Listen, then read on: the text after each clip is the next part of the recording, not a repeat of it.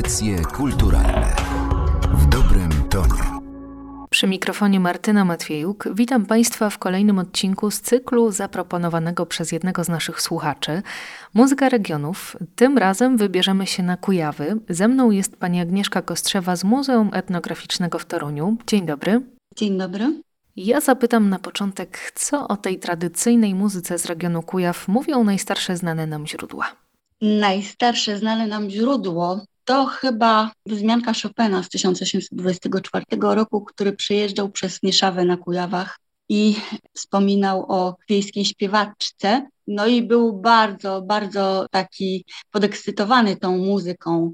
A więcej o Kujawach dowiadujemy się dopiero w 1827 roku z Sielanek Kujawskich, napisanych przez Feliksa Jaskulskiego. I on tam wspomina o kujawiaku, instrumentach muzycznych używanych właśnie w tym regionie, z tym, że oczywiście jest to taki utwór no, sielankowy, tak, to nie miało znamion żadnego e, dzieła naukowego, aczkolwiek już stanowi pewną bazę informacyjną. Generalnie jeśli chodzi o, o te materiały źródłowe w XIX wieku, to dopiero można powiedzieć, że Oskar Kolberg zajął się sprawą bardziej systematycznie i to jego dzieło pretenduje do dzieła takiego no właśnie naukowego.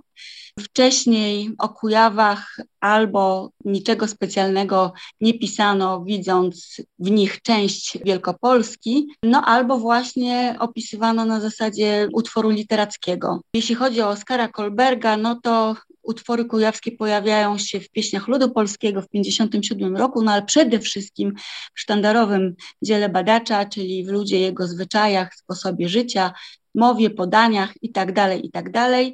I Kujawami zajął się badacz po Sandomierskiem, przebywał na Kujawach od 1860 do 65 roku. Także no, mm, był to już materiał zgromadzony przez niego osobiście i taki bardzo, bardzo, bardzo ciekawy. Oczywiście postać Oskara Kolberga jest y, nieoceniona, kiedy rozmawiamy o muzyce ludowej, o muzyce tradycyjnej, ale zastanawiam się, na ile to, co pisał o Kujawach, y, rzeczywiście wiemy dziś, y, że było zgodne ze stanem rzeczywistym, bo zdarzają się takie opinie, że niektóre tereny zostały w pewien sposób pokrzywdzone i niedocenione, i później ta opinia czy opis Kolberga ciążył nad postrzeganiem jakiejś społeczności i wpływał na nastawienie następnych badaczy?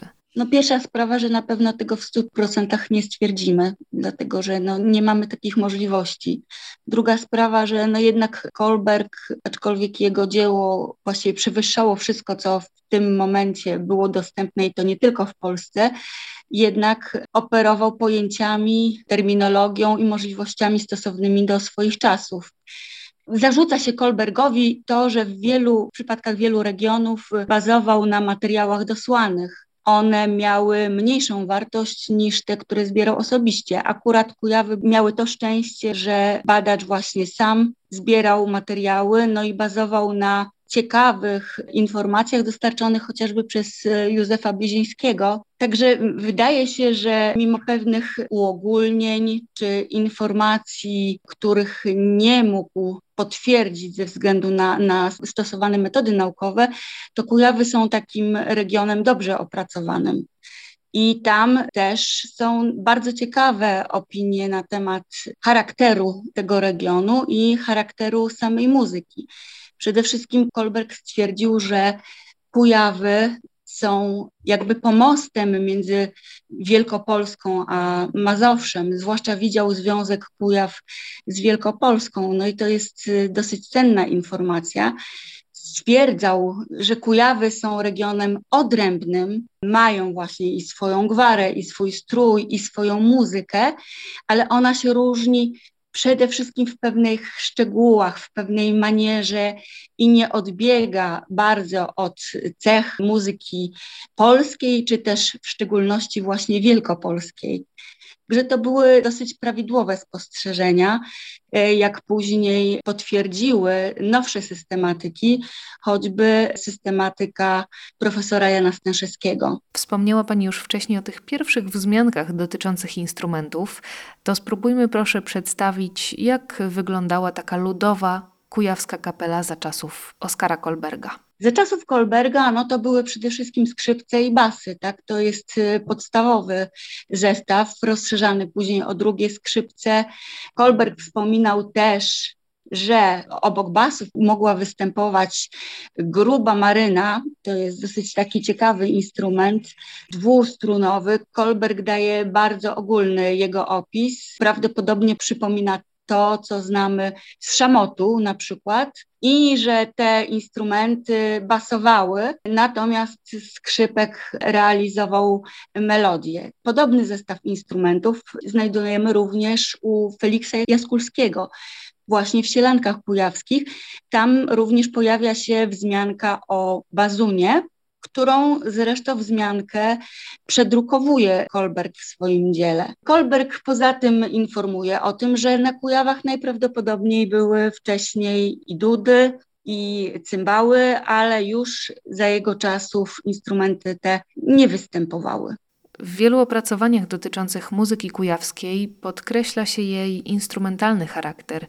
Z czego wynika ta przewaga nad warstwą wokalną? No, pewnie trzeba by było tutaj najpierw zapytać, w jakich okolicznościach ta muzyka towarzyszyła ludziom, kiedy była wykonywana. Wie Pani co, no to jest w ogóle dosyć ciekawa kwestia, dlatego że generalnie właśnie dla mm, muzyki środkowej Polski charakterystyczne jest to, że mamy dominację folkloru tanecznego. Co za tym idzie również, no dużo jest wykonań instrumentalnych, ale muzyka taneczna, również instrumentalna, znajduje swoje pierwowzory w, w muzyce wokalnej. Jest to typowe nie tylko dla Kujaw, aczkolwiek rzeczywiście w literaturze naukowej pojawiają się informacje o tym, że, że melodyka instrumentalna, czy też w ogóle muzyka instrumentalna dominuje nad tekstem, nad muzyką pieśniową. Może to wynikać z tego, że na Kujawach bardzo ważną rolę odgrywały przyśpiewki, czyli właśnie takie krótkie pieśni jednozwrotkowe, które były podejmowane przez kapelę kapela je ogrywała, nieraz dosyć długo, i wtedy do tej muzyki tańczono. Być może stąd to wynika, być może również wynika to z tego, że w folklorze tego regionu pojawiają się również piosenki taneczne. Jest to taka forma przejściowa między przyśpiewką a pieśnią. Bywa ona rozbudowana na przykład takimi dodatkowymi sylabami, interjekcjami, na ogół nie, nic nieznaczącymi. Oj, dana, dana. One mogły nasuwać skojarzenie właśnie z, z naśladownictwem gry instrumentalnej. Kiedy mówi się o muzyce kujawskiej to mówi się o tańczeniu. I e, zresztą badacze tańca podkreślali fakt, że jest to region, gdzie występował bardzo ścisły związek między śpiewakiem, instrumentalistą i tancerzem. To przede wszystkim przejawiało się jeszcze w czasach Kolberga w, w cyklach tanecznych, które zaczynały się od chodzonego, później na sygnał pary przodkującej, na okrzyk bądź też na przyśpiewkę kapela zmieniała tempo i rytm tańca i pojawiał się kujawiak. Później ten kujawiak przechodził w, wraz ze zmianą kierunku w następny taniec i tak dalej, i tak dalej. Bardzo często instrumentaliści reagowali na e, ruchy ciała przyśpiewującego tancerza. Bardzo mocno reagowali też na sam taniec. To były całości. Teraz, kiedy mamy do czynienia z, z folklorem estradowym, no to tego już się tak nie widzi, tak? To już gdzieś się zatraca. Ja też się zastanawiam, czy Kujawy były takim regionem mocno zróżnicowanym muzycznie i tanecznie, czy możemy wyróżnić maniery wykonawcze charakterystyczne dla danych społeczności, czy te kujawiaki w różnych miejscach mocno się różniły? Każda miejscowość miała swoją manierę wykonywania, śpiewania, grania i tańczenia kujawiaka. One mogły być i wolniejsze, i szybsze, taki podstawowy podział, jeśli chodzi o Kujawę, no to jest na wschodnie i zachodnie, tak, co wynika również z kwestii historycznych. E, no i z oddziaływań innych regionów. Generalnie Kujawy Wschodnie jako te, które od 1815 roku znajdowały się pod panowaniem Rosji, trochę różniły się od tego, co było na Kujawach Zachodnich, gdzie jednak było duże ciążenie na zachód, w stronę też Wielkopolski. Zmieniało się tempo na szybsze, były też większe wpływy już tej rytmiki i walcerkowej, i wiwatów dwudzielnych. Były też różnice związane z ukształtowaniem Kujaw, na przykład zawołania pasterskie odnotowano e, niemal wyłącznie na Bachorzy, czyli na takim terenie Kujaw pierwotnie bagiennym, który został zmelioryzowany w XIX wieku. No i później w krajobrazie tego obszaru dominowały łąki. Tam przede wszystkim wypas, hodowla zwierząt no, były tą istotną częścią gospodarzenia. A jak oceniłaby Pani to, jak ten folklor muzyczny Kujaw jest pielęgnowany i realizowany współcześnie? W przypadku Kujaw jest to o tyle ciężka sprawa, że inaczej niż na Mazowszu, gdzie mm, mamy dużo miejsc, gdzie jeszcze są muzykanci grający tę muzykę w domu dla przyjemności, czy też właśnie jest bardzo taki mocny ruch rekonstrukcyjny, miejski, nawet można powiedzieć. Na Kujawach ten folklor funkcjonuje w oparciu o zespoły folklorystyczne, wiejskie i owszem, albo wiejsko-miejskie. I no, on już bardzo często y, nie ma charakteru przekazywanego z pokolenia na pokolenie. Także no, bazuje się tutaj przede wszystkim na źródłach pisanych, chociażby właśnie na Kolbergu na szczęście jest. I no, to jest jakby taka istotna trudność że on jest jednak w wersji scenicznej. Nie mamy tutaj do czynienia z jakimiś tam ruchami oddolnymi, organizowania zabaw tanecznych. Rzadko się już gra do słuchu, co było zresztą też ciekawą cechą tego regionu kiedyś, że się właśnie grało w ten sposób. Także mamy zespoły, które działają przy domach kultury, przy gokach właśnie, są to ważne, owszem, ośrodki, dlatego że no jakoś przyczyniają się do tego, że jeszcze coś w pamięci ludzi pozostaje. Mhm. No właśnie zaraz usłyszymy jednego z członków takiego zespołu, a kontekst etnomuzykologiczny przedstawiła Państwu pani Agnieszka Kostrzewa z Muzeum Etnograficznego w Toruniu. Bardzo dziękuję Pani za tę rozmowę. Moim następnym gościem jest Pan Włodzimierz Tomaszewski, skrzypek i kierownik kapeli Spodkowala. Zanim porozmawiamy o zespole, to zapytam, w jaki sposób uczył się Pan takiego ludowego kujawskiego grania? Po skończeniu szkoły podstawowej zdecydowano, żeby poszedł do liceum pedagogicznego. No i tam jednym z przedmiotów obowiązkowych była gra na instrumencie, to były skrzypce w moim roczniku. Po pewnym czasie pracy jeszcze dodatkowo kończyłem studium nauczycielskie o kierunku wychowanie muzyczne w Grodzisku Mazowieckim, no to już wtedy te skrzypce zrobiły się mi bardzo poszlicznie. Jestem rocznikiem z pierwszej połowy XX wieku, więc to były czasy, kiedy lampa naftowa dominowała, a energię elektryczną dopiero w 1955 roku założono w mojej miejscowości. Także w tym czasie dominował przede wszystkim folklor, a więc dużo śpiewu przy każdej imprezie. Nawet wziąć na odpustach, jak ludzie gościli się. Do tego była jakaś, że tak powiem, połóweczka czy świateczka. No nie, no do litra, więcej chyba nie było, ale to już wtedy była okazja do przyśpiewu. Na weselu prawie, że każdy starał się coś tam zaśpiewać. Te przyśpiewki były tak na porządku dziennym, że bez tego ludzie żyć nie mogli. Po prostu ta muzyka żyła w ludziach. Radia nie było, nie było telewizji, więc jak ja na przykład rozmawiałem ze starszymi kobietami, one mówiły tak, że wieczorem to wychodziły przed dom, jak słyszały kujawiaczki czy oberki, a zwłaszcza kujawiaki, to one były tak drzewne, że dosłownie do serca łkało. Pierwsze wesele, na którym byłem, no już w pełni świadomym, miałem chyba 12 lat. Pojechaliśmy oczywiście bryczką, konną. Grał zespół w składzie skrzypce, trąbka, akordeon i bęben. Ta muzyka po prostu nie męczyła tak jak obecna. Po prostu ludzie z chęcią tańczyli. Oczywiście y, w domu weselnym na ścianach były lampy, żeby było w miarę, w miarę widno.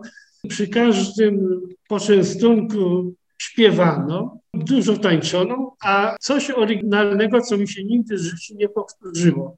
Wracając z wesela, a to było następnego dnia koło południa, bo one dłużej trwały te wesela, przejechał jeden samochód ciężarowy to był stary chyba 25 z tego, co sobie kojarzę. I w szumie tych opon cały czas słyszałem muzykę.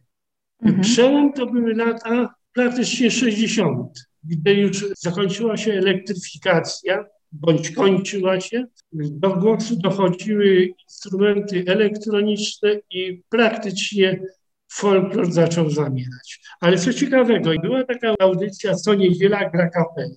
I na przykład ta kapela Feliksa Dzierżanowskiego, czy nawet Kiewa Namysłowskiego, to były bardzo uznane kapele, ale tam cały czas były nasze narodowe utwory, a więc Kujawiaki, a więc Oberki, a więc Mazurki. Oczywiście Polki też były, bo jako, że to utwory były bardzo dynamiczne, prawie że koncertowe, zespół akordeonistów, na przykład Tadeusza Wesołowskiego czy Zbigniewa Kułaczowskiego, tyle lat żyje i nigdy nie miałem tutaj okazji tego usłyszeć, a przecież w archiwach czy Radia Polskiego, czy telewizji to wszystko jest.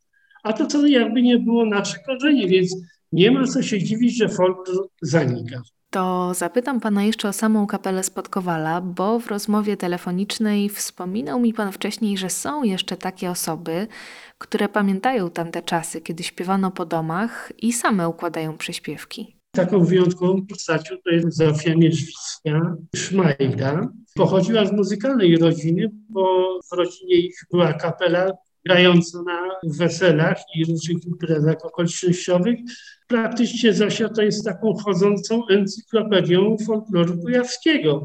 A czym ona się nie zajmowała? I haftem, i stroje szyła, to miała z tą charyzmę, że jeżeli wystąpiła przed mikrofonem i zaczęła śpiewać, no to całą salę od razu rozruszała. Także troszeczkę żal, że wiek swoje robi i po prostu no, już nie ma, nie ma tego zdrowia, no, ale póki co to jest, tak mówię, żywą encyklopedią folkloru kujawskiego. Trzeba też pamiętać o Leonie Stankiewiczu, założycielu kapeli. W 1967 roku dokładnie Rada Miejska Włocławka uchwaliła, że przystąpi do turnieju miast, bo w latach 60. zaczął się turniej miast. To była bardzo ciekawa impreza. Dwa miasta mniej więcej o podobnej wielkości konkurowały między sobą w różnych tam dyscyplinach. No i właśnie pan Leon wykorzystał ten moment czy, czy w duszy mu też przede wszystkim też grało, by stworzyć właśnie taką kapelę. Był właśnie turniej między Płockiem a Włocławkiem. I kapela spod Kowala właśnie folklor przedstawiła, bo Płock już miał inną muzykę nowoczesną. Po prostu instrumenty elektroniczne zakłóciły tą naszą muzykę ludową. I tak trwa do dziś. No właśnie chciałam też zapytać o Pana obserwacje dotyczące tego, jak folklor wygląda dzisiaj. Niedawno Pani Agnieszka Kostrzewa mówiła o tym, że zespoły często konstruują swój repertuar pod kątem występów na scenie. Tego domowego grania jest już coraz mniej. Czy zmierzamy powoli do zaniku takiego muzykowania ludowego? Ja bym nie tragizował aż tego. Dlaczego tak się dzieje, że, że ona zanika? No bo przede wszystkim pieniądz rządzi światem. No, w poprzednim ustroju, mimo że jest tak krytykowany, ja na przykład nie mogę tam złego słowa powiedzieć. Bo wiadomo, co innego są polityczne zależności, ale jeżeli chodzi o życie codzienne ludzi, ono zupełnie inaczej wyglądało. Pierwsza moja placówka na przykład to była y, wioska nieduża ale był taki szacunek w ogóle dla, dla zawodu mojego, bo byłem nauczycielem, no było uznaniem, a w, w ogóle była bieda. Sąsiad do sąsiada przyszedł na leśniku, smażoną do tego herbatkę i po prostu całe wieczory ludzie spędzali. Oczywiście w karty również grali, ale bardzo dużo śpiewali, bardzo dużo opowiadali o przeszłości to wystarczyło, że tam ktoś miał większą izbę, parę groszy rzucono harmoniście. No i potańcówki były bardzo często, co, co dwa tygodnie. No, a zabawy przy okazji odpucztów, to było coś, coś wyjątkowego. Tymi wspomnieniami podzielił się z nami pan Włodzimierz Tomaszewski, skrzypek i kierownik kapeli Spodkowala. Bardzo panu dziękuję. Dziś w cyklu Muzyka Regionów odwiedziliśmy Kujawy. Na następny odcinek zapraszam państwa za miesiąc, oczywiście do audycji kulturalnych. Audycje kulturalne